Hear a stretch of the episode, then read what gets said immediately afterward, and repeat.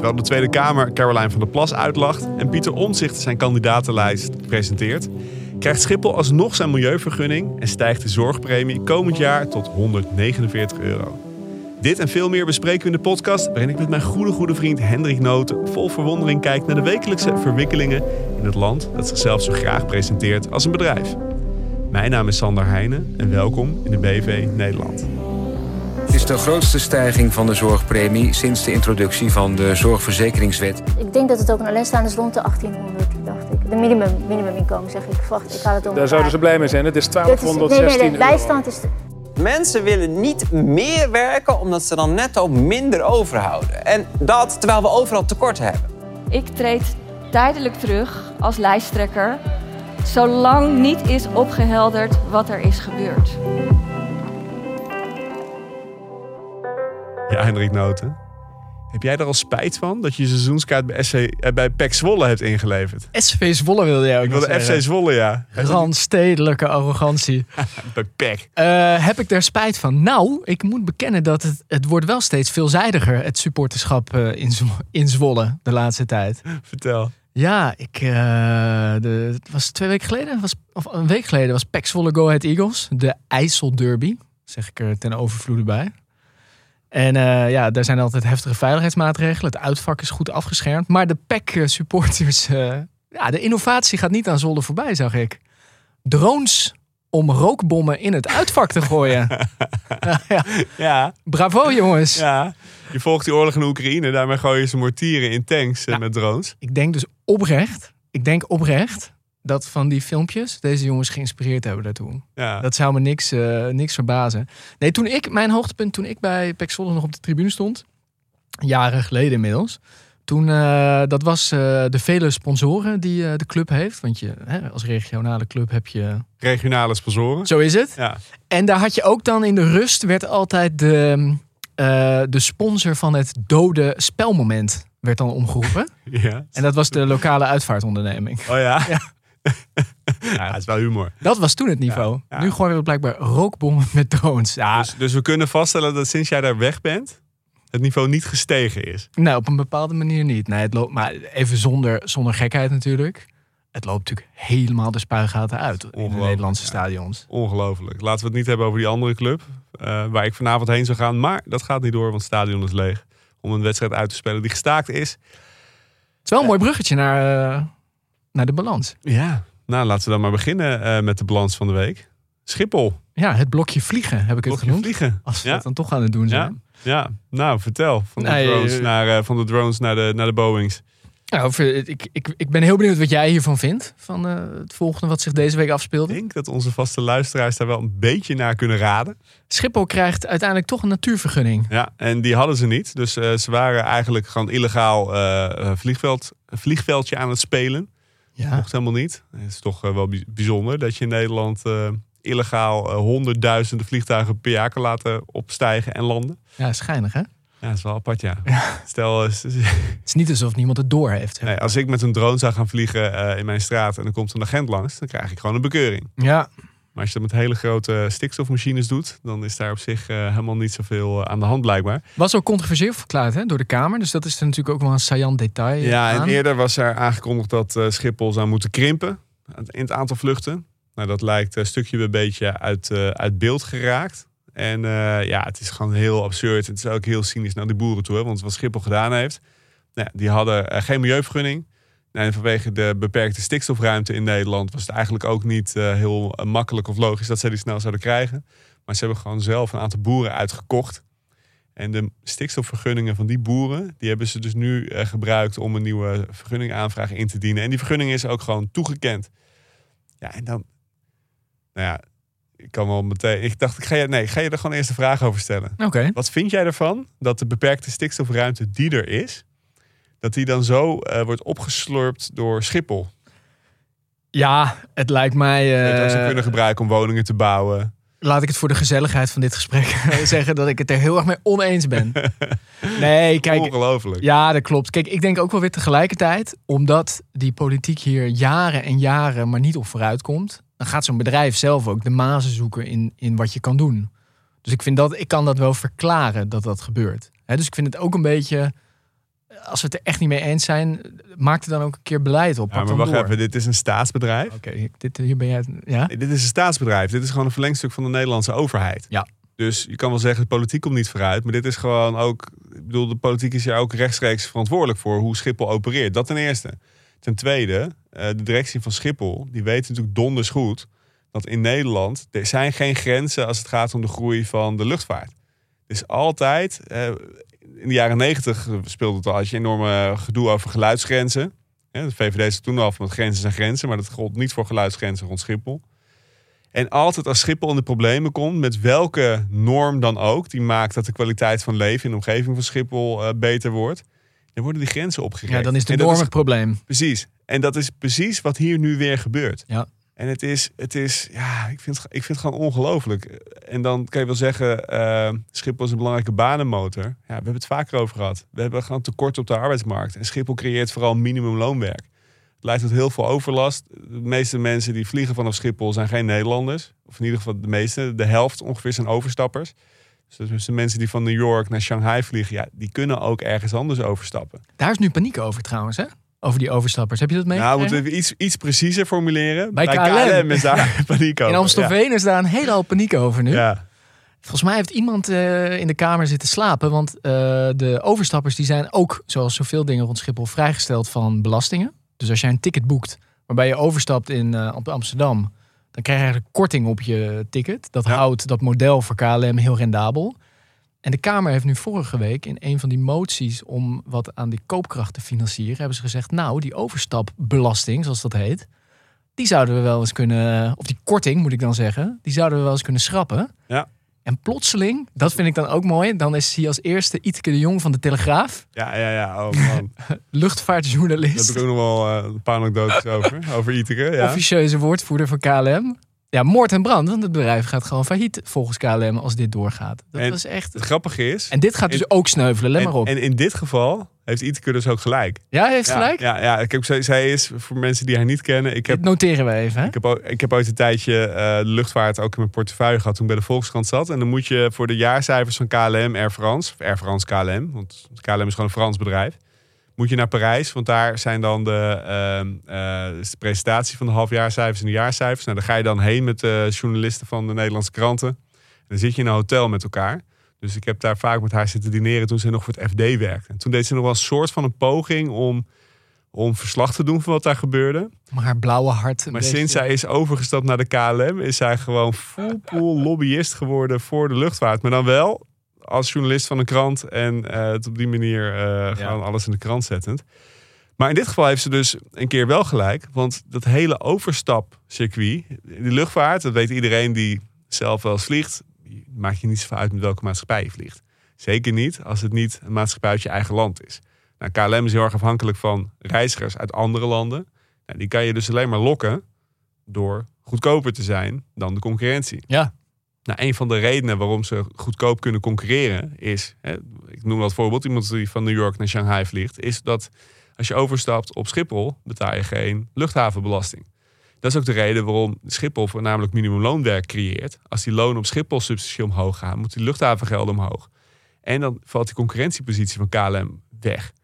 Dus, dus, dus je kan niet iets doen om daar. Hè, je kan niet belastingen rond vliegen verhogen en KLM in het huidige model en de huidige omvang in stand houden. Nou, we hebben het er eerder al over gehad. Als je treinen gaat inzetten op alle afstanden tot 750 kilometer, heeft KLM ook geen bestaansrecht meer. Want ze vliegen ook heel veel mensen van Noorwegen via Schiphol naar, naar waar dan ook in de wereld. Of via Denem vanuit Denemarken of van Polen nou, enzovoort. Dus uiteindelijk, als wij zeggen we willen KLM in leven houden, dan moet je dus inderdaad geen enkele grens stellen aan Schiphol. Geen enkele heffing of eh, belasting toevoegen aan dat model. Anders pleuren ze om. Maar gezien de trend van de normen die worden opgerekt, we zien het bij die natuurvergunning, kun, durf je de voorspelling wel aan dat dit gaat sneuvelen, toch? De komende ja, weken. Je ziet het gewoon voor 100 kilometer aankomen. Ja. En dat is, ja, het is gewoon heel treurig. Want ja, en tegelijkertijd, maar dan moeten we het zo misschien maar even over hebben. Want er is wel iets aan het veranderen. Nou, laten we het maar meteen even over hebben. Over hoe we naar industrie kijken in Nederland. Want we hadden deze week het bericht Tata Steel. Eh, eh, het RIVM heeft, was het RIVM of het GGD? Nee, het RIVM. Die hebben een rapport Ja. uitgebracht. Mensen rond Tata Steel leven 2,5 maand korter gemiddeld. En er wordt toch als een probleem eh, ervaren. Vind je? Ja, Ja, Valt je even voor dat de duidelijkheid. Dat, want dan kan je denken, ik, ik zag mensen die zeiden, nou, 2,5 maand is overzichtelijk. Maar dat is gemiddeld. dat gemiddeld, betekent, ja. Dat is echt gewoon- heel veel. Krijgen gewoon mensen krijgen veel eerder Ja. longkanker. Ja. En die gaan gewoon 20, 30 jaar eerder dood. Precies. En de meeste mensen krijgen het niet. Dus gemiddeld is het 2,5 maand. Maar wat me daarin opviel. eh, twee dingen. Ik heb het niet kunnen uitzoeken hoe dat precies zich tot elkaar verhoudt. Maar ik heb een eh, jaar of tien geleden een keer een stuk gemaakt. Toen ik nog bij de Volkskrant werkte over het wegverkeer. En als je langs een grote verkeersader woont, bijvoorbeeld in Amsterdam-West, loopt die ring zeg maar ongeveer door de balkons van flats heen. Bij Rotterdam heb je ook een paar van die snelwegen waar echt gewoon, ja, dan kan je gewoon bij de mensen naar binnen kijken als je daar in de file staat. Ja, die mensen leven dus gemiddeld tien maanden korter. Was toen. eh, Ja, op die kleine, kleinere populatie. Ja. Ja, dus precies mensen Die, Precies. die echt dicht op snelwegen wonen. Maar volgens mij überhaupt mensen die binnen een straal van 300 meter van snelwegen wonen. En dan vroeg ik me, eh, toen, uiteindelijk is daar gewoon geen reet mee gebeurd. Maar zo'n zo'n staalfabriek heeft dan toch, de tijd is blijkbaar veranderd. We kijken er nu anders naar. Maar het voelt ook alsof je zo'n fabriek kan verplaatsen. Terwijl, ja, we, we rijden allemaal in onze autootjes rond. Dus er zit, er zit iets geks in, vind je niet? Ja, ja, ja, misschien zijn we ook een beetje medeschuldig, omdat iedereen over die snelweg rijdt. Dus die fabriek kan ik nog heel erg externaliseren, ook op een bepaalde Precies. manier. Maar de mensen die zelf, eh, die korter leven, die rijden waarschijnlijk zelf ook een autootje over die snelweg. Ja, jij Dus- rijdt er ook. Wil je het meteen weer bij mij Ja, nee, ik bedoel, wil het niet, maar da- dus ga je in je hoofd denk ik ook denken van oeh, oeh. Ja, Ja. Waar is die auto van gemaakt? ja. Ja, van staal, dat zomaar van Tata Steel zou kunnen komen. Mag ik nog één ding over dat blokje vliegen? Ja? De Telegraaf, nog heel even naar terug. Ja. Ja. dit is een heel klein dingetje nee, wat mij opviel deze week. Kijk, de Telegraaf heeft eh, natuurlijk jarenlang eh, alle politici die, die groene ambities hadden... Nou, misschien nog net niet gedemoniseerd, maar wel echt kapot geschreven. Ja, Jarenlang. En volgens mij, je stuurde me dit weekend nog een eh, voorpagina. dus met, tot op eh, kort hadden ze het over de groene bangmakers. En dan was er zo'n hele lelijke voorpagina met een groene draak... waar dan de hoofden van Rob Jetten en zo op waren Ja, Ed gefotoshopt. Nijpels. Ed Nijpels, allemaal dat soort types. En deze week hadden ze een voorpagina, ik vind dat toch wel schaamteloos, waarin ze de, een aantal reisorganisaties aan het woord lieten, een aantal tour operators, die eigenlijk een, een proefballonnetje oplieten of we niet de zomervakantie zouden moeten vervroegen, omdat de traditionele zomervakantie het in Zuid-Europa, waar veelal van hun bestemmingen liggen, ja, toch een beetje onleefbaar dreigt. Dat, Omdat, omdat we te veel naar Zuid-Europa hebben gevlogen, is het nu te warm in de zomer om naar Zuid-Europa te vliegen. Maar dat is toch van een ongekende schaamteloosheid. Het is, ja, ik weet niet eens waar ik moet beginnen met hierop reageren. Het is zo, het is zo Kafkaesk. dat, is toch, dat is toch niet normaal? Nee. Hoe, hoe, hoe haal je het in je botte hoofd om dat dan op je voorpagina te zetten? Ja. Ik bedoel, dat die tour operators dat nog pitchen, ja, vind ik ook prima. Als jij ermee kan slapen, ik kan het me niet voorstellen, maar oké. Maar als redactie, wat een schijnheiligheid. Maar dit is wel het niveau, hè? Van, eh, maar goed, Het niveau van Nederland. Nou ja, wat, kijk, er is dat één ding, maar dat, dat staat natuurlijk niet in dat stuk. Eh, maar één- er, er zit wel iets in om die zomervakantie te verspreiden over het jaar. Heel simpel. Als we willen dat we duurzamer op vakantie gaan. Nu, iedereen gaat in diezelfde acht weken naar Ja, Zuid-Europa. Dus dan moet je heel veel infrastructuur bouwen. Goed. Aan hotels enzovoort. En eh, vlieg- vliegvelden. Nou, met de trein op vakantie is heel duur. Omdat als je allemaal in die zomervakantie in die treinen moet, past niet. Nou, als je dat duurzamer zou willen maken, kan je met minder hotels uit. Als je het gewoon het hele jaar door die voorzieningen gebruikt. laten we gewoon alles en, aanpassen. de, en als je met de trein wilt gaan, dan kan je het hele jaar, als je die mensen het hele jaar door over die treinen verspreidt. En dat is misschien een bruggetje zometeen naar een volgend punt, de spitsheffing. Maar dan zou je die treinen en dat spoor veel efficiënter Oké, kunnen oké, benutten. oké. enige eh, lastige eraan is, denk ik, dat je je kan afvragen hoeveel mensen zin hebben om eh, eind november naar de Riviera te gaan. Want het is daar dan misschien niet te warm. Maar het kan zomaar ook gewoon eh, 14 graden en eh, motregen zijn. Wel even stevig doorvliegen eerst. Ja, ja, ja, maar goed, eh, er zit wel, in die zin zit er wat in. Alleen helaas stond dat niet, eh, stond dat niet eh, in dat stuk in eh, de krant van eh, Wakker Nederland. Oké, volgende. Veel te lang blokje vliegen dit. Maar even door. De, de trein, ja, je sloeg het Ja, boekje al. spitsheffing. Zullen we die maar even doen ja, dan? want eh, de NS wil graag dat eh reizen in de spits duurder wordt, zodat er minder mensen in de spits in de trein stappen. Eh, want als dat gebeurt, en mensen, ze gaan ervan uit dat mensen wel blijven reizen, dus als het wat meer spreidt over de dag, heb je minder treinstellen nodig. Eh, nee, ik, ik zeg het helemaal verkeerd. Je kan de treinstellen die er zijn gewoon Precies. efficiënter benutten. Als niet iedereen tussen zo- ochtends tussen 7 en half 9 in die trein gaat zitten. Maar als we dat een beetje spreiden tussen 6 en eh 12, zeg maar. Ja, want in de spits zitten ze overvol en de rest van de dag rijden ze soms eh, bijna leeg. Ja, en dat is best wel zonde als je nieuwe treinstellen, extra treinstellen moet bestellen. Omdat je twee uur per dag tekort aan capaciteit hebt en de rest van de dag overcapaciteit. Ja, dus Wouter Koolmees dit al eerder dat voorstel. Nou, weet je wat, maken we het in de spits duurder. Dan maken we het voor mensen aantrekkelijker om buiten de spits te reizen. wat, wat, wat, wat vind jij daarvan? Nou, ik zal eerst zeggen, veel emotie, ik hè? zal eerst zeggen, de Tweede Kamer is daar niet super eh gecharmeerd van. Nee? Van links tot rechts. Eigenlijk alle fracties vonden dat belachelijk. Ik, ik had een beetje parallel eh, een reflex naar het rekeningrijden. Dat is natuurlijk eigenlijk hetzelfde In idee. feite is dit rekeningrijden. Ja. Gewoon eh spitsheffing, spitsbeprijzing. En ik, kijk, mijn gevoel erbij was, economisch klopt het wat Koolmees zegt. En toch klopt het niet. Oké, dat is ik- vaak zo met economische dingen. Maar ik weet dat jij er anders over denkt. Nee, nou ja. Nee, nou, ik... Kijk, ik vind... Ik, dit, ik ga mezelf nu een beetje in de problemen brengen bij mijn eh, linkse broeders. Heel goed, heel goed. Kijk, op de lange termijn, als je kijkt naar gewoon duurzaamheid en ook wat ook rechtvaardig is, dan wil je eigenlijk een goed openbaar vervoer, wat bijna, wat gewoon toegankelijk is voor iedereen, het liefst misschien gratis, en zo min mogelijk auto's. Dat is eigenlijk waar je vanuit een soort duurzaam en ook wel sociaal perspectief naartoe zou willen. Ja. Eh, en dit is natuurlijk in eerste instantie een stapje daar vandaan. Want je maakt het OV niet eh, goedkoper of gratis. Wat PvdA GroenLinks bijvoorbeeld graag willen. Je maakt het duurder. Ja.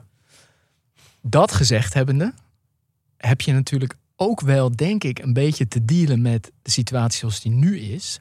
En toegankelijkheid kan ook zijn dat het juist, Dat je kan zitten. dat je bijvoorbeeld kan zitten. Als je gewoon lekker daar Ja. wat eh, voor betaalt. Ja, en er zijn ook een hoop mensen in dit land, en ik reken mezelf daar ook toe, die best flexibel kunnen werken. En die met een klein zetje in de trein, en rekening rijden zou hetzelfde zijn, ook buiten de spits zouden gaan reizen. Dus ik, ik vind het niet helemaal een onlogische stap om nu te zetten. Wetende dat je op de lange termijn ergens anders naartoe moet. Dus ik kan best wel een tijdje met Koolmees meegaan. En, en ik vind in ieder geval, laat ik dat dan zeggen, die emotionele reactie van... Ja, maar die mensen die naar hun diensten moeten. Het is En gewoon zo'n dom populistisch gelul, sorry. Ik ben het namelijk is- helemaal met Koolmees Dit is ons white privilege blokje weer gewoon helemaal opnieuw. Ja. Doe een poging tot een genuanceerd antwoord. Ja, Oké, dom populistisch gelul, ga door. Nou, kijk, het enige is, eh, je kan niet dit als koolmees in je eentje oplossen, dit probleem. Maar uiteindelijk is het natuurlijk, het is volstrekt logisch om eh, op de momenten dat het heel druk is, daar wat meer voor te laten betalen. En mensen die vanwege hun werk niet op een ander moment kunnen reizen, ja, die moeten gewoon daar een hogere reiskostenvergoeding voor krijgen. Maar dan leg je ook bij werkgevers een prikkel neer om die diensten misschien wat meer te spreiden Exact. over de dag. Want waarom moet iedereen op hetzelfde moment beginnen? Weet je, dus, dus, dus je moet het iets, iets breder, iets verder uitgezoomd naar kijken. En dan is het volstrekt logisch. En als jij voor gratis openbaar vervoer bent, waar ik eh, eigenlijk me best wel in zou kunnen vinden, kun je ook zeggen: maak het gewoon buiten de spits gratis. En in de spits hou je het gewoon zoals het is. Ja, dan moet er iets meer publiek geld naar eh, de NS. Maar op zich, eh, wat is daar mis mee? Weet je, dan voer je gewoon een heffing in op accijns voor vliegtuigen. En dan kan je dat makkelijk betalen. Een heffing voor accijns. Eh, heffing op kerosine, accijns op kerosine. Je weet, je weet wat ik bedoel. Weet je, dus, dus, dus uiteindelijk, als je iets verder uitzoomt, is het een heel logisch voorstel. Niet zo asociaal wat hij zegt. Nee, hij wordt wel echt zoals zo'n boeman. Alleen, Kol- ja, maar Koolmees, die opereert een beetje in een, in een vacuüm hier. Die, die gaat alleen maar over de spoorwegen. Dus die kan, niet, die kan die andere dingen niet oplossen. En heeft hij als minister van Sociale Zaken ook niet gedaan overigens. Maar dus, eh, hij schiet zichzelf misschien in de voet nu. Maar dit had je natuurlijk gewoon, dit kan je natuurlijk heel goed oplossen. Alleen je moet het niet, je moet inderdaad niet zeggen, we leggen die kosten eenzijdig neer bij mensen die in de spits moeten reizen vanwege hun werk. Bijvoorbeeld omdat ze leerkracht zijn Ja, en eh, op tijd op school moeten zijn. Maar als je dat gewoon vanuit een bredere maatschappijvisie bekijkt, is het natuurlijk een hele logische maatregel. Maar ja, zo wordt de BV Nederland niet gerund. Nee, van links tot rechts niet. En dat vind ik er dan wel weer grappig aan. Ja, dat is wel heel grappig. Hè? Dat links en rechts elkaar steeds meer beginnen te vinden in domme standpunten. Oké, jij Ja. hebt gezegd. Hoopvol.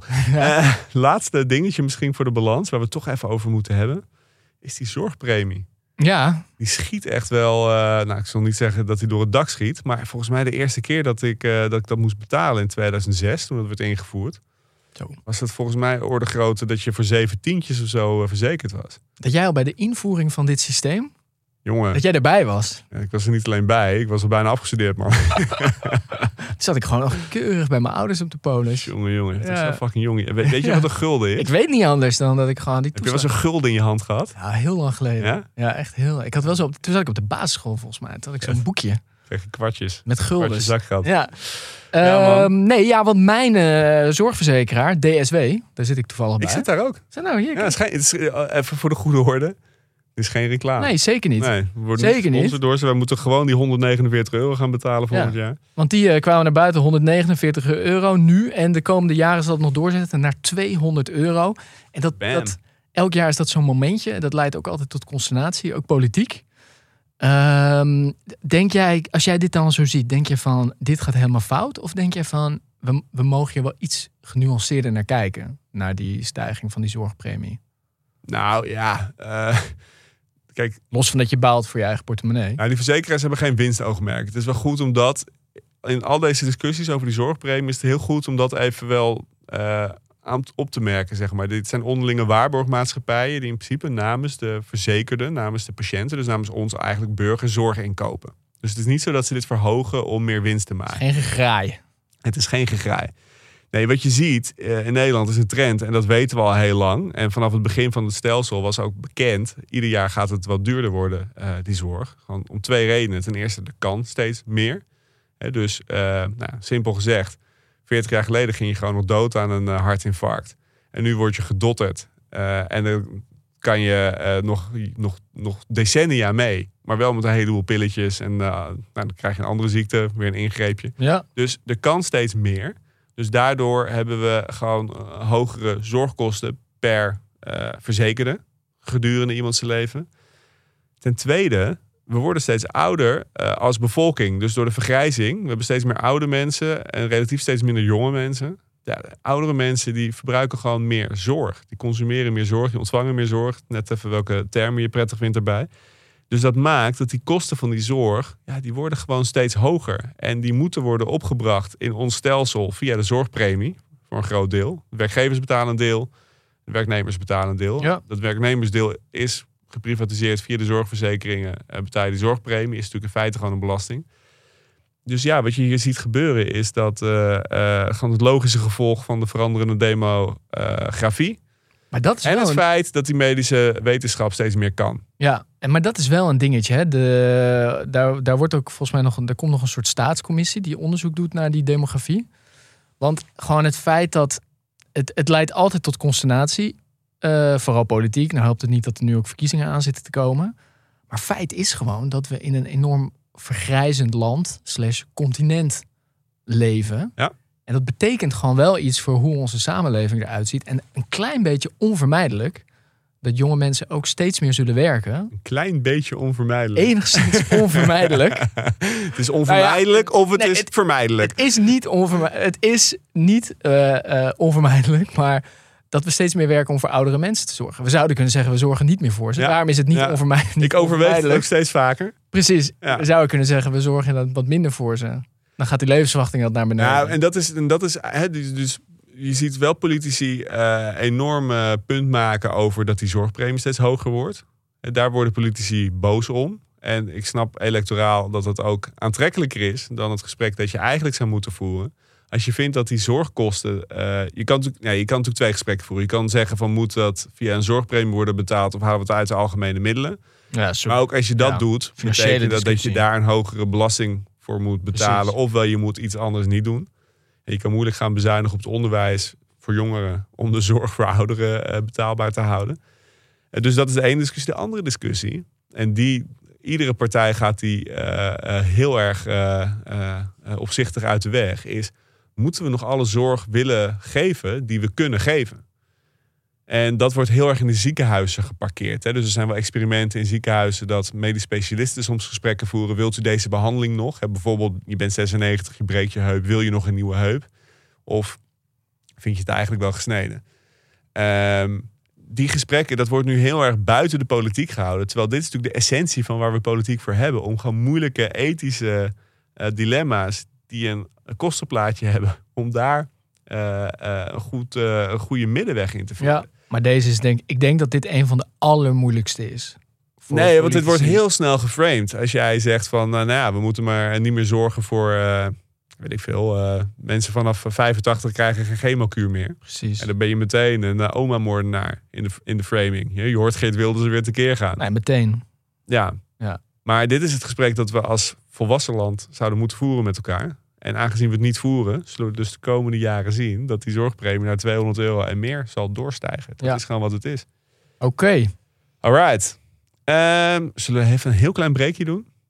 En dan gaan we het hebben toch over eh, ja, de politieke week. Want man, man, man. Wat is er een boel over te zeggen? Ja, Hendrik Noten. Ik heb eh, de afgelopen week eh, na de opnames eh, van de podcast naar de algemene politieke beschouwingen zitten kijken. Ik heb dit weekend naar al die congressen zitten kijken. Nou ja, allemaal. Ik heb De, de highlights, toch? de highlights. Voor je. Ja, ja, nee, het is wel. het was, was bij de ene spannender dan bij de ander. Maar ik zat naar te kijken en uiteindelijk, ik zat erover na te denken deze dagen. Waar zitten we nou naar te kijken? Waar stevenen we op af als land? En toen dacht ik, in feite, we krijgen nu verkiezingen. Iedereen, veel partijen hebben nieuwe leiders, we hebben nieuwe partijen. En iedereen zegt, we gaan alles anders doen. Het enige wat ik, wat ik kan concluderen als ik het allemaal zo zie, is de teleurstelling zit op voorhand gewoon volledig ingebakken.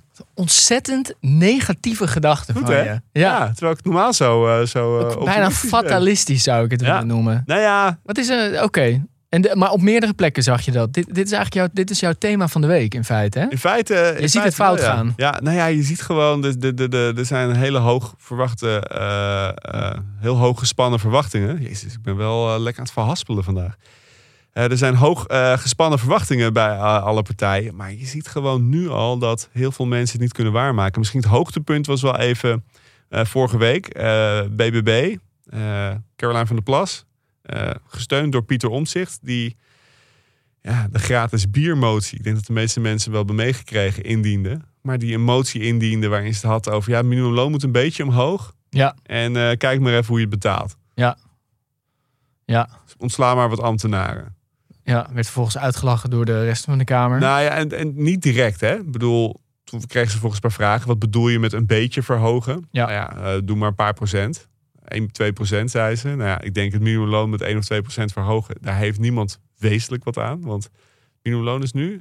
Is, is richting de 12 euro nu, geloof ik, hè? Eh, ja, bovenin, richting de 13. Gaat Ja, het. nou doe daar 1% bovenop. Dan Ja. heb je 13 cent extra. Nou, te luid je winst. Ja. Ik bedoel, het is be- misschien beter dan niks, maar het is eigenlijk gewoon bijna niks. Het ontslaan van ambtenaren, dat werd ook heel terecht eh, eh, gesteld. Ja, zijn dat dan politiemensen? Zijn dat verpleegkundigen? Zijn dat, waar gaan we precies in snijden in de overheid? Zijn dat militairen? Dat deed mij heel erg denken aan dat bezuinigingspopulisme, zo noem ik het maar eventjes.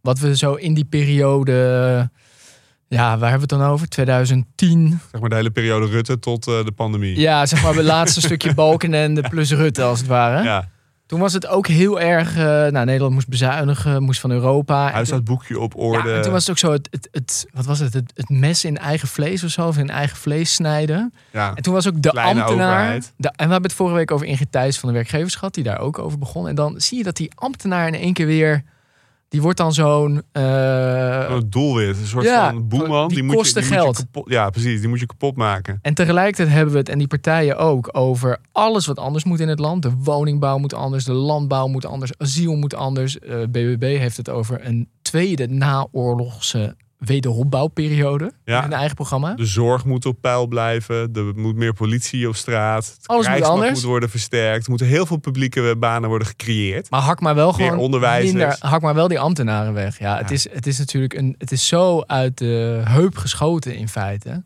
Ja, en wat het dus maakt, en daarom zeg ik, eh, er is veel meer. Maar ik denk de teleurstelling zit al ingebakken. Gewoon simpelweg, ze hebben gewoon geen flauw idee waar ze het over hebben. Hm. Dat is gewoon wat dat Hij duidelijk zegt maakt. ze. Bedoel je Pieter Omtzigt dan ook? Nou, ik, be- nou daar, daar kom ik op. Je bedoelt nu even BBB. Ik bedoel nu even vooral BBB, Caroline van der Plas. Ja, want ik zag ook een, eh, een, een nieuwsbericht op de NOS eh, op woensdagochtend. En eh, eh, er is een, een organisatie, adviesbureau Berenschot. Die hebben eh is even alle eh, twaalfde provincie, de provinciale coalitieakkoorden op een rij gezet. En die komen tot de conclusie, eh, provincies zijn weinig concreet in wat ze nou precies willen. Kijk. En in al die provincies BBB gekozen tot de grootste. Eh, bijna overal zitten ze aan tafel en in die coalities.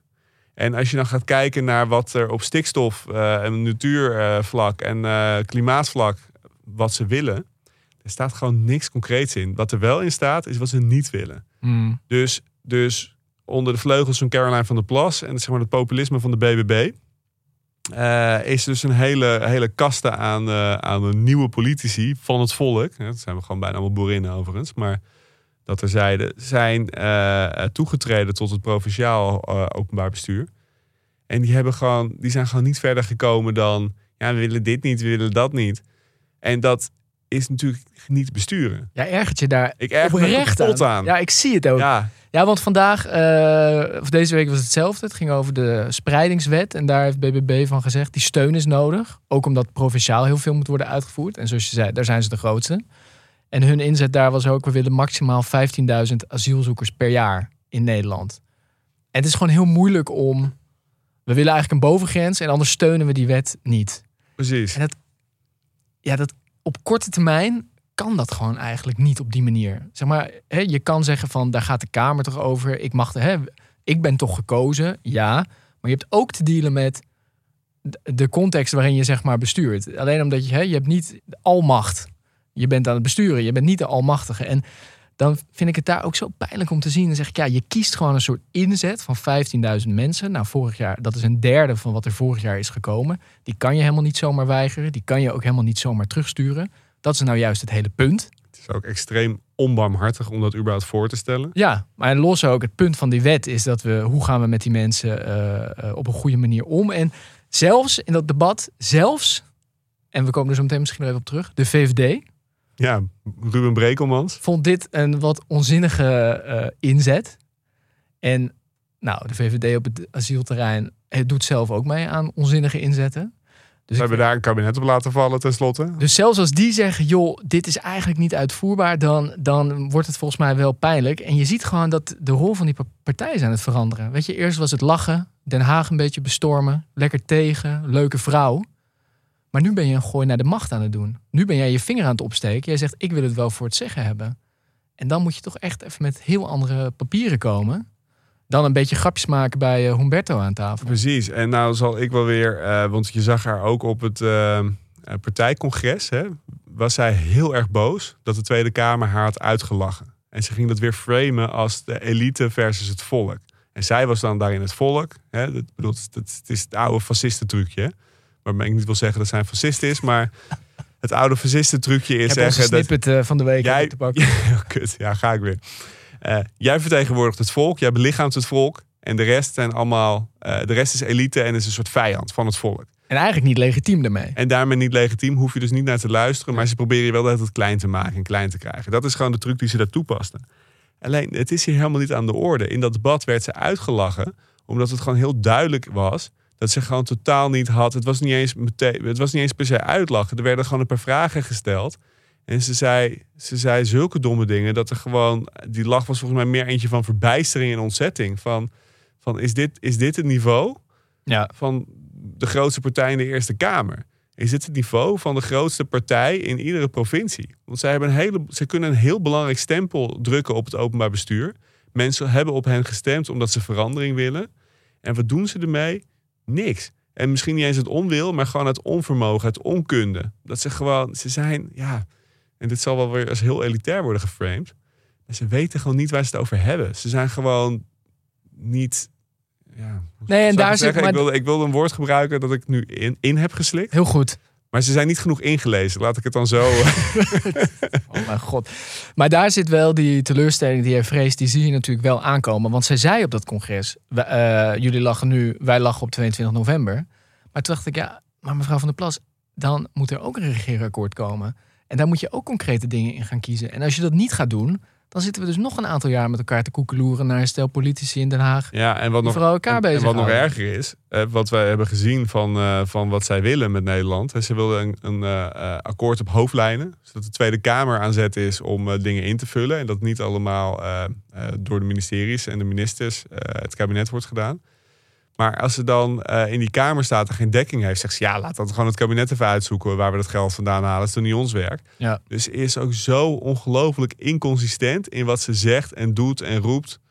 En ja, dat is gewoon geen manier om een land te besturen. Ik zou bijna parallel willen trekken, toch maar even aan het begin heb ik eromheen geluld naar Ajax. Ja? Je kan niet, als je besturen, nou ja, hoef ik jou niet uit te leggen. Het is toch een vak. Het is toch een vak, hè? Ja. Ja, dat, dat vergt enige vooruitziende blik. Je zou kunnen zeggen, je kan niet eh, in een eh, toch enigszins eh, groot bedrijf met een vreemdelingenlegioen aankomen zetten en schimmige financiële dekking en dan denken dat je toch kampioen wordt. Dat is ongelooflijk. Mag ik het zo- Ja, zo mag je het wel zeggen. Ja, ja, ja. Nee, en dan ook... We zouden een soort spel kunnen maken van Heel de plas of Mislintat. Dan doe ik van die omschrijving en dan moet jij raden over wie het, Nou, doe maar even. Heb je er een? over wie het gaat.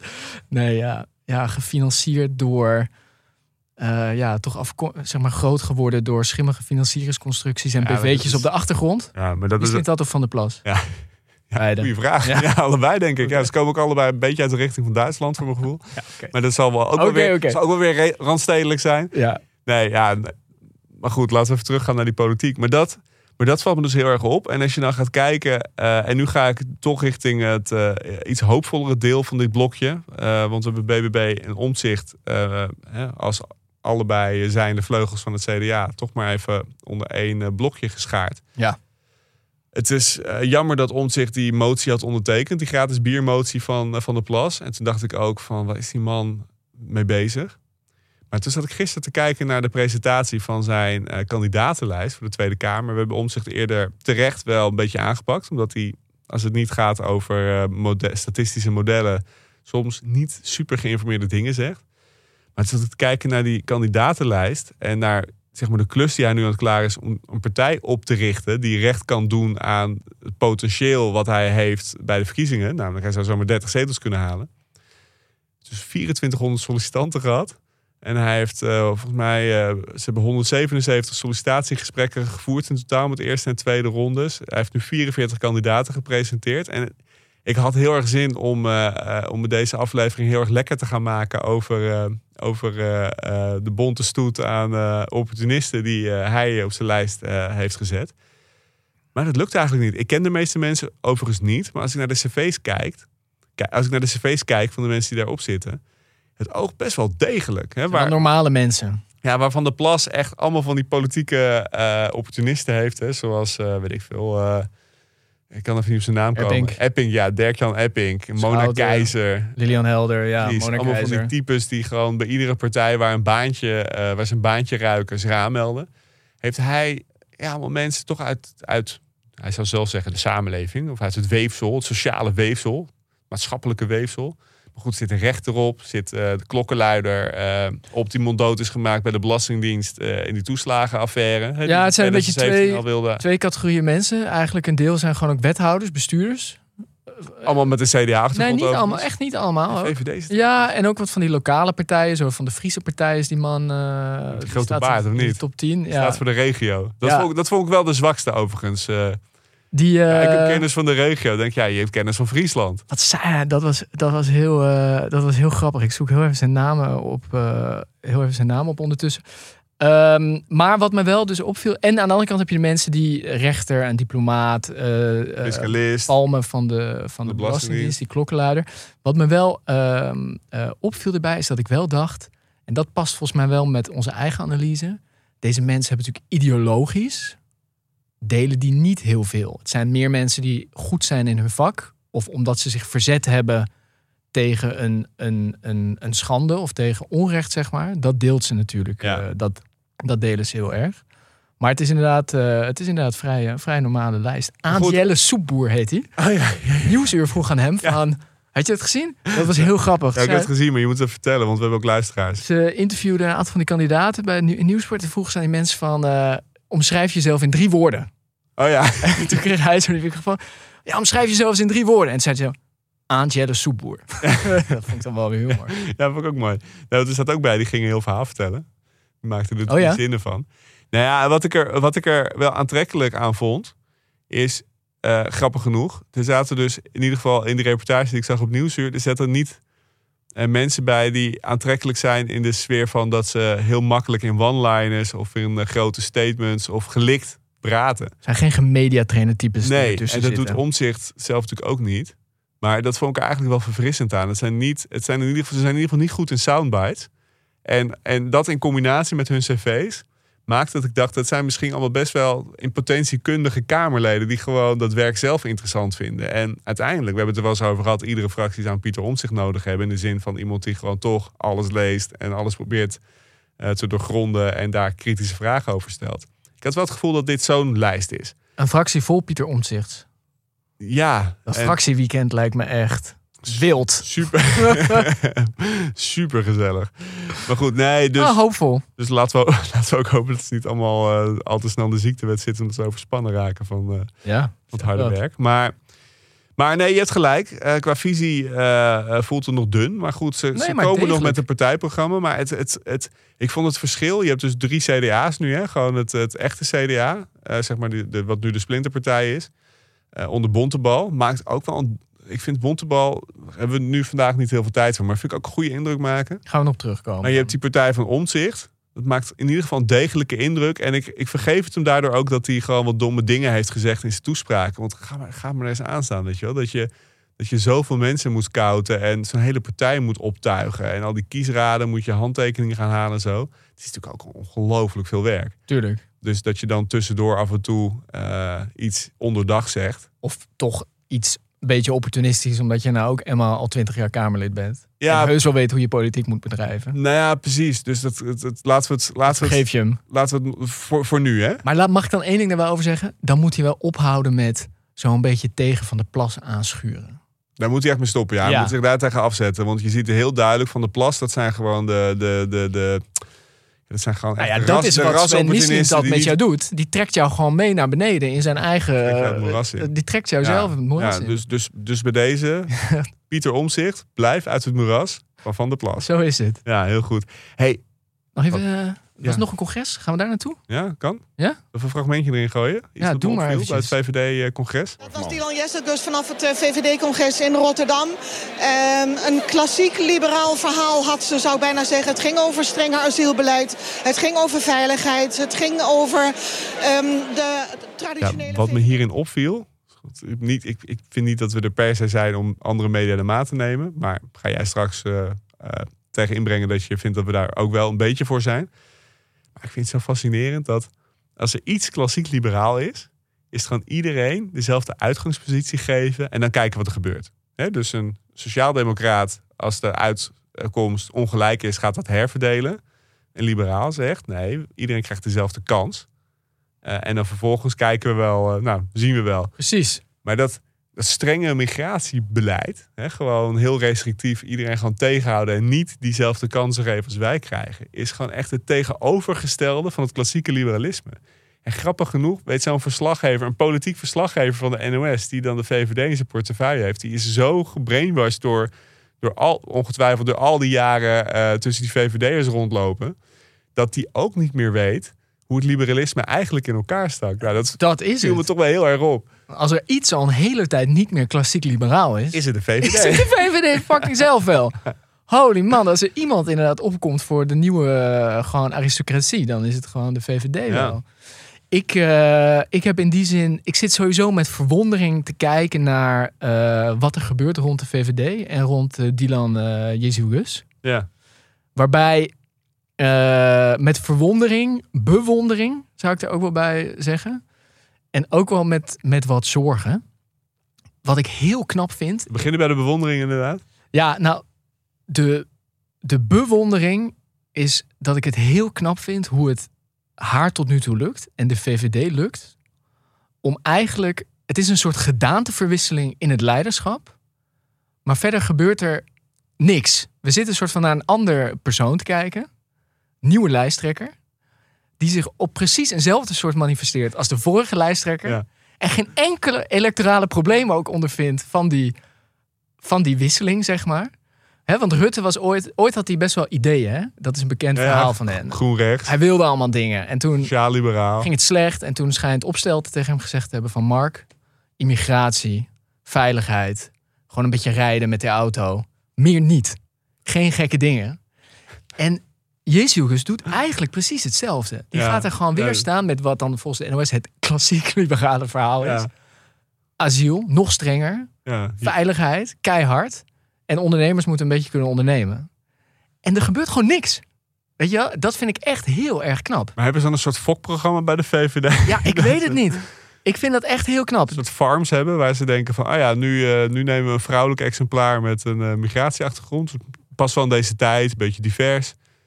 Ja, nou, dat moet ik ze ook meegeven. Maar dat we ze dat dan wel gewoon transporteren daar dan wel weer gewoon die chip in dat hoofd. Ja. Dat het gewoon eigenlijk Mark Rutte is, maar dan in een andere verpakking. Ja, dus ik denk waar een tijdje werd gedacht, en misschien door ons ook wel van het, het VVD-tijdperk loopt ten einde. Ik begin daar toch wat zorgen over te, over te hebben. En ook als je namelijk wel kijkt naar de inhoud van, de, van mijn verhaal, en daar zit, daar zit meer het, het niet-jolige deel. Ik vind ook dat zij echt wel hele tegenstrijdige en ook knijterrechtse dingen zegt. Bijvoorbeeld, een van de dingen in haar speech was dat is echt zo'n gemeenplaats van politici moeten ophouden met het vuurtje opstoken Ja, en polariseren. ja. Toen dacht ik, ja, maar het, de pinpoint van jouw programma Is, Is- polariseren. is dat we minder asielzoekers moeten hebben. En dat wij asielzoekers aanzuigen met onze gunstige regelingen. Terwijl, we hebben het er eerder over gehad, jouw eigen ministerie zei dat dat niet zo is. Dus als iemand zeg maar het vuurtje opstookt met haar programma, dan ben jij het zelf. En laten we ook niet eh, vergeten dat zij bij haar HJ-schoollezing... dat zij eh, woke het grootste gevaar Oh, voor Nederland noemde. Dus mensen die opkomen voor, eh, voor minderheden... Oh, dit was ik alweer Die zijn, die zijn het grootste gevaar voor ons land. Oh, dit was ik alweer vergeten. Ja, nou ja, gelukkig ehm, ben ik al zo oud dat ik dat soort dingen nog weet. Hè? Ja, dan krijg je. Ja, precies. Dus, dus de, de. Zeg maar, ik kan. En zij is de eh, koningin van, eh, van de polarisatie in zekere zin. ja, dus ik, en, en de deur openzetten naar de PVV. Om nog maar wat, dus ik kan er campagne strategisch met bewondering dat naar kijken. inderdaad ook, ja. Maar de inhoud, ook daar is ook niks klassiek liberaals aan overigens. Ik hoop wel. Ik denk dat ze niet eens... Ik denk, zou ze weten wat het is? Zou er iemand bij de VVD nog weten wat het liberalisme is? Behalve Arend-Jan Boekenstein. Ja, nou ja, de- ik wilde boek, boekie, wilde ik zeggen. Ja. Maar ja, daar luistert dus ook niemand naar. Me ook verbaasd als hij nog op de VVD stemt overigens. Overigens nog in die lijn ook, een beetje eh, aanpalend aan dat VVD-congres. Er was ook een artikeltje in het FD over de tussenstand van de campagnebijdrage van particulieren. Heb je dat gezien? Ja, verrassend hè? Ja, verrassend. Ja. Gaat de VVD ook ruim aan kop, hè? Verrassend, ja. Standsondernemers maken zich wel zorgen over, eh, ja, misschien wel over Timmer Frans. Ja, en ze hebben... Meer dan een miljoen, nu al bij elkaar gehaald. Ze hebben wel een slimme, een slimme move gemaakt. Eh, dat hebben ze denk ik toch goed in het boekje van ons ook gelezen. Dat ze het niet meer eh, echt in het algemeen over grote bedrijven hebben, maar dat ze het nu echt over de MKB'er hebben. Ja. Want grote bedrijven stemmen natuurlijk niet, maar die MKB'ers die hebben allemaal een stem. Ja, En dat zijn er veel en veel meer. ja. En de meeste mensen werken ook bij een MKB-bedrijf. Dus die, die denken dan ook, ja, ze zijn goed voor de, voor de kleine bedrijven. Ik werk bij een klein bedrijf. Dus ik moet op eh Dylan stemmen. Nou, ik ben heel eh, benieuwd. Ik ben ook dus heel benieuwd naar Omtzigt zijn programma. Want je ziet wel, zo tussen de VVD en Omtzigt en BBB... er ontstaat wel een rechts, behoorlijk sterk rechtsverbond. Maar waar ik wel benieuwd naar ben, want wat je omzicht dan eh, een beetje hoort zeggen. dus, dus, dus hij geeft denk ik een soort van eerste glimpen van zijn programma bloot. Hij, hij staat wel heel erg op de lijn van we moeten zorgen dat private equity niet meer onze publieke voorzieningen, niet meer onze crashes, onze huisartsenposten, eh, onze dierenartsenposten, dat, al dat soort dingen, die worden allemaal opgekocht door van die private equity partijen die daar gewoon lekkere grote, eh, efficiënte ketens van proberen te maken. Daar, daar, dat is een van die dingen waarover Omzicht zei van dat willen we gewoon niet meer. En dat vind ik wel interessant, want dat past wel echt in een, dat is wel echt een, een breuk met waar het CDA de afgelopen twintig jaar voor stond. Is En waar zo? de VVD voor eh, staat. Ja, want uiteindelijk, die partijen zijn gewoon bijna onafgebroken aan de macht geweest de afgelopen twintig jaar. En die hebben dat allemaal eh, met beleid. Hè? Misschien stonden ze er niet publiekelijk voor als CDA van dit is wat we willen. Maar ze hebben het wel beleidsmatig helemaal mogelijk gemaakt. Ja. Dus, dus, dus in die zin zie je dat er bij omzicht ook wel echt een aantal dingen zijn waarvan ik me afvraag of dat te rijmen is met hoe de VVD naar de wereld kijkt. Ja, En, en, en daarbij, blijven. als er geen. Als jij zegt van er is eigenlijk er verandert niks bij de VVD behalve dat er een nieuw gezicht op zit. hè. Zit er ander, letterlijk een ander hoofd op. De VVD heeft een ander gezicht. Volgens mij was het grote punt van omzicht toch eh, de Rutte-doctrine. En als eh, Rutte gewoon nu de vorm heeft van een vrouw met lang haar, Wel mooi haar overigens, maar lang eh, haar. En niet weer die, die... Ik vind het hoofd van Rutte ook. Ja, dat mag je natuurlijk helemaal niet... Maar ik denk dat dit Mensen voldoende is. Ik denk dat dit dus wel voldoende is. Dan. Jij denkt dat dit niet voldoende Daar, Dat is jouw punt. Het zou, het zou, het zou mij gewoon heel... Ik zou het heel gek vinden als Omzicht aan een nieuwe bestuurscultuur gaat bouwen... met de VVD van Mark Rutte die niet wezenlijk veranderd is. Ja, maar wat ze wel doen is hem, dat viel me ook op bij dat congres, heel expliciet buiten beeld houden. Hij was niet met haar op het podium. Ze zijn volgens mij wel echt een knip aan het maken daar. Nee, dat snap ik wel. Dat snap ik wel. Alleen, omzicht is in mijn ogen, hè, laat ik het bij mezelf houden, niet geloofwaardig. Als hij denkt met deze VVD aan een nieuwe bestuurscultuur te kunnen bouwen. Oké. Want het is, de VVD is niet wezenlijk veranderd. Ah, hier gaan we op terugkomen na de 22e. Want in mijn ogen is het een politicus. Dus, dus snapt hij ook wel dat hij daar dan dat dit zijn kans is om daar overheen te staan. Nee, dus, dan is, dus ik zeg hè, geloofwaardig in mijn ogen. Ja, ja, ja. Ja, dus hij zou geloofwaardig kunnen worden in mijn ogen. Oké. Maar ja, de, de judgment is still out, zeg maar. Hier, als het dus gaat om jouw hypothese, de teleurstelling zit ingebakken. Voor mij zou ik dus zeggen, vooral naar de mensen aan de linkerkant zit de teleurstelling ingebakken. Die dachten, deze VVD ligt op de grond voor het grijpen. Ik Nee, dat zij nee. nee, voor mij. Dit Ja, is mijn Jouw interpretatie teleurstelling. daarvan. Ja. Maar, maar kijk, links is sowieso teleurgesteld. Want er gaat gewoon een derde van de zetels naar progressieve eh, partijen. En twee derde niet. Dus links is al, is al decennia teleurgesteld. Na iedere verkiezing. Ja. Eigenlijk sinds Wim Kok is... is en ik mag stemmen sinds Wim Kok eh, is vertrokken. Hè? Zal ik dat dan ook maar meteen even daarvoor... Ja, jongen. Weet je, de eerste keer dat ik mocht stemmen... Precies. was de verkiezing van Pim Fortuyn. Echt? Die toen dood was. Maar ja joh. Jeetje. De allereerste keer. Was ik helemaal in de war. Heb ik op D66 gestemd. Ja. Ja. Ja. Melkert was effectief kapot gemaakt. Het is goed dat ik dat nu pas hoor. Ja. Oké, dus dat was het VVD-congres. Maar die teleurstelling, eh, toch nog even. Volgens mij gaat die erin zitten. eh, dat de VVD is niet wezenlijk veranderd. Ook al doen ze alsof. Eh Omzicht die gaat daar waarschijnlijk gewoon in mee. Eh, hè, die zegt nee, dat is een andere partij. Hier kan ik mee besturen. En eh, BBB die doen überhaupt geen moeite om, eh, om wezenlijk dingen te veranderen. Die zijn alleen maar bezig met hoe kunnen, we, eh, eh, hoe kunnen we gekozen worden en een beetje leuk overkomen. Maar we gaan echt niet zelf eh, moeite doen om, om de, de, de wezenlijke problemen te doorgronden. Laat staan dat ze met oplossingen gaan komen. En daar bedoel ik dat ook de meerderheid, die wel de partijen in het kabinet krijgen waar ze op hebben gestemd. Ja, voor hen zit die teleur- teleurstelling ook gewoon al bijvoorbeeld ingebakken. Omdat er niks wezenlijk veranderd is in het speelveld. Het is alleen maar de window dressing is veranderd. Ja. De etiketjes zijn veranderd en de hoofdjes zijn veranderd. Maar verder is het gewoon eh, business as usual. En dat, ja, ik weet niet hoe lang onze democratie dat nog kan dragen. Dat je, dat, je, dat je er op deze manier mee omgaat. En daarom ben ik heel erg bang dat die teleurstelling eh, eh, gewoon nog groter gaat zijn de komende jaren. Ja, ik zou nu positief willen eindigen voor onze luisteraars. Ja, het zou wel goed zijn. Maar ik, mijn dochter heeft mij een hele slechte nacht bezorgd. Ik ben ook gewoon moe. Dus ik weet niet wat ik hier nog tegen je moet brengen. Nou ja, laten we dan maar gewoon eh, kijken of er nog eh, hoop is eh, met, voor Links Nederland met eh Only Frans. Oh ja, ja, ja, ja. In Brussel zit die Timmermans. Vous insistez, le président et moi, on peut aussi... Dat noem ik de groene gek. Die is helemaal losgeslagen. Die Green Deal is niet een blauwdruk. Maak hem nou niet zo groot! Essere sicuri che nel futuro... Nou, maak hem nog niet zo groot als hij de ruimte krijgt. Dan, dan, dan ontregelt hij nog erger het land als Klaar ooit kan doen. Ja, ik heb twee dingetjes. Kijk, kom maar door. De eerste, dat moest ik gewoon heel erg om lachen. Er was een klein schandaaltje, maar het is echt heel klein. Want voor Eh. wie deze rubriek niet kent, nieuwe luisteraars. eh, we bespreken altijd even eh, iets, iets, een dingetje rond Frans Timmermans. Ja. Vaak is het iets wat hem in de schoenen wordt geschoven, maar wat is het vandaag? Nee, dit keer was het toch een beetje anders. Hij was, deed mee aan een protestmars in Heerlen. Oké, Tegen waar de, was hij tegen? Ja, ik denk Tegen de sluiting van de mijnen? van een of, ziekenhuis volgens mij. Maar of bezuinigingen. Goed, het gaat even hier niet om de details van de protestmars. Maar hij liep daarmee en op zijn social accounts werden daar dingen van gepost. En toen bleek dat er ook mensen van de SP meeliepen in die mars. En toen heeft dus blijkbaar dat campagneteam heeft dus die tomaten van die SP'ers van die jassen op de foto's af zitten photoshoppen. Oh mijn god.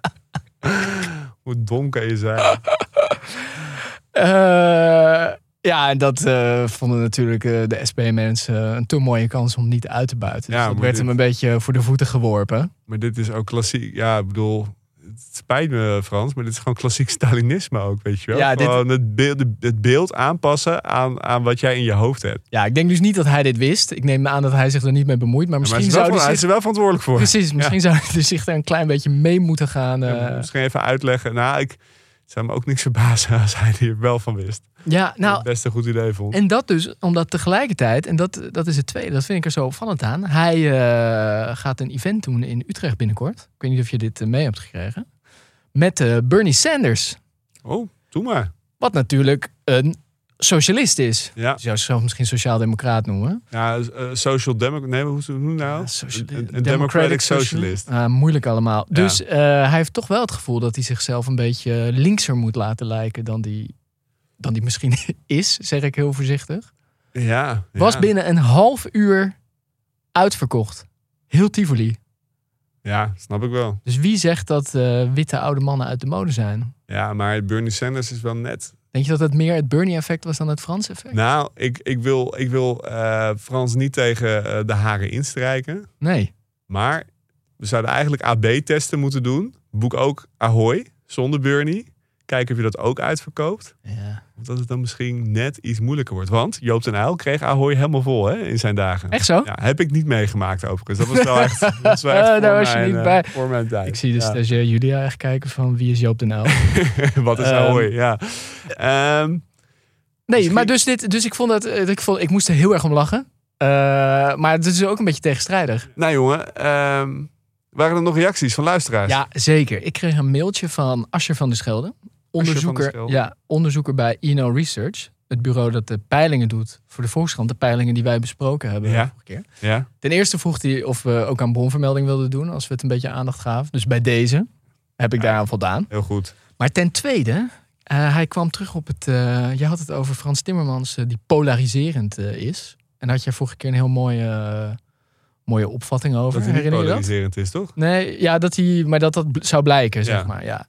Alleen er is dus een klein probleempje, wees hij mij op. Dat is niet helemaal wat in hun onderzoek staat. Oh.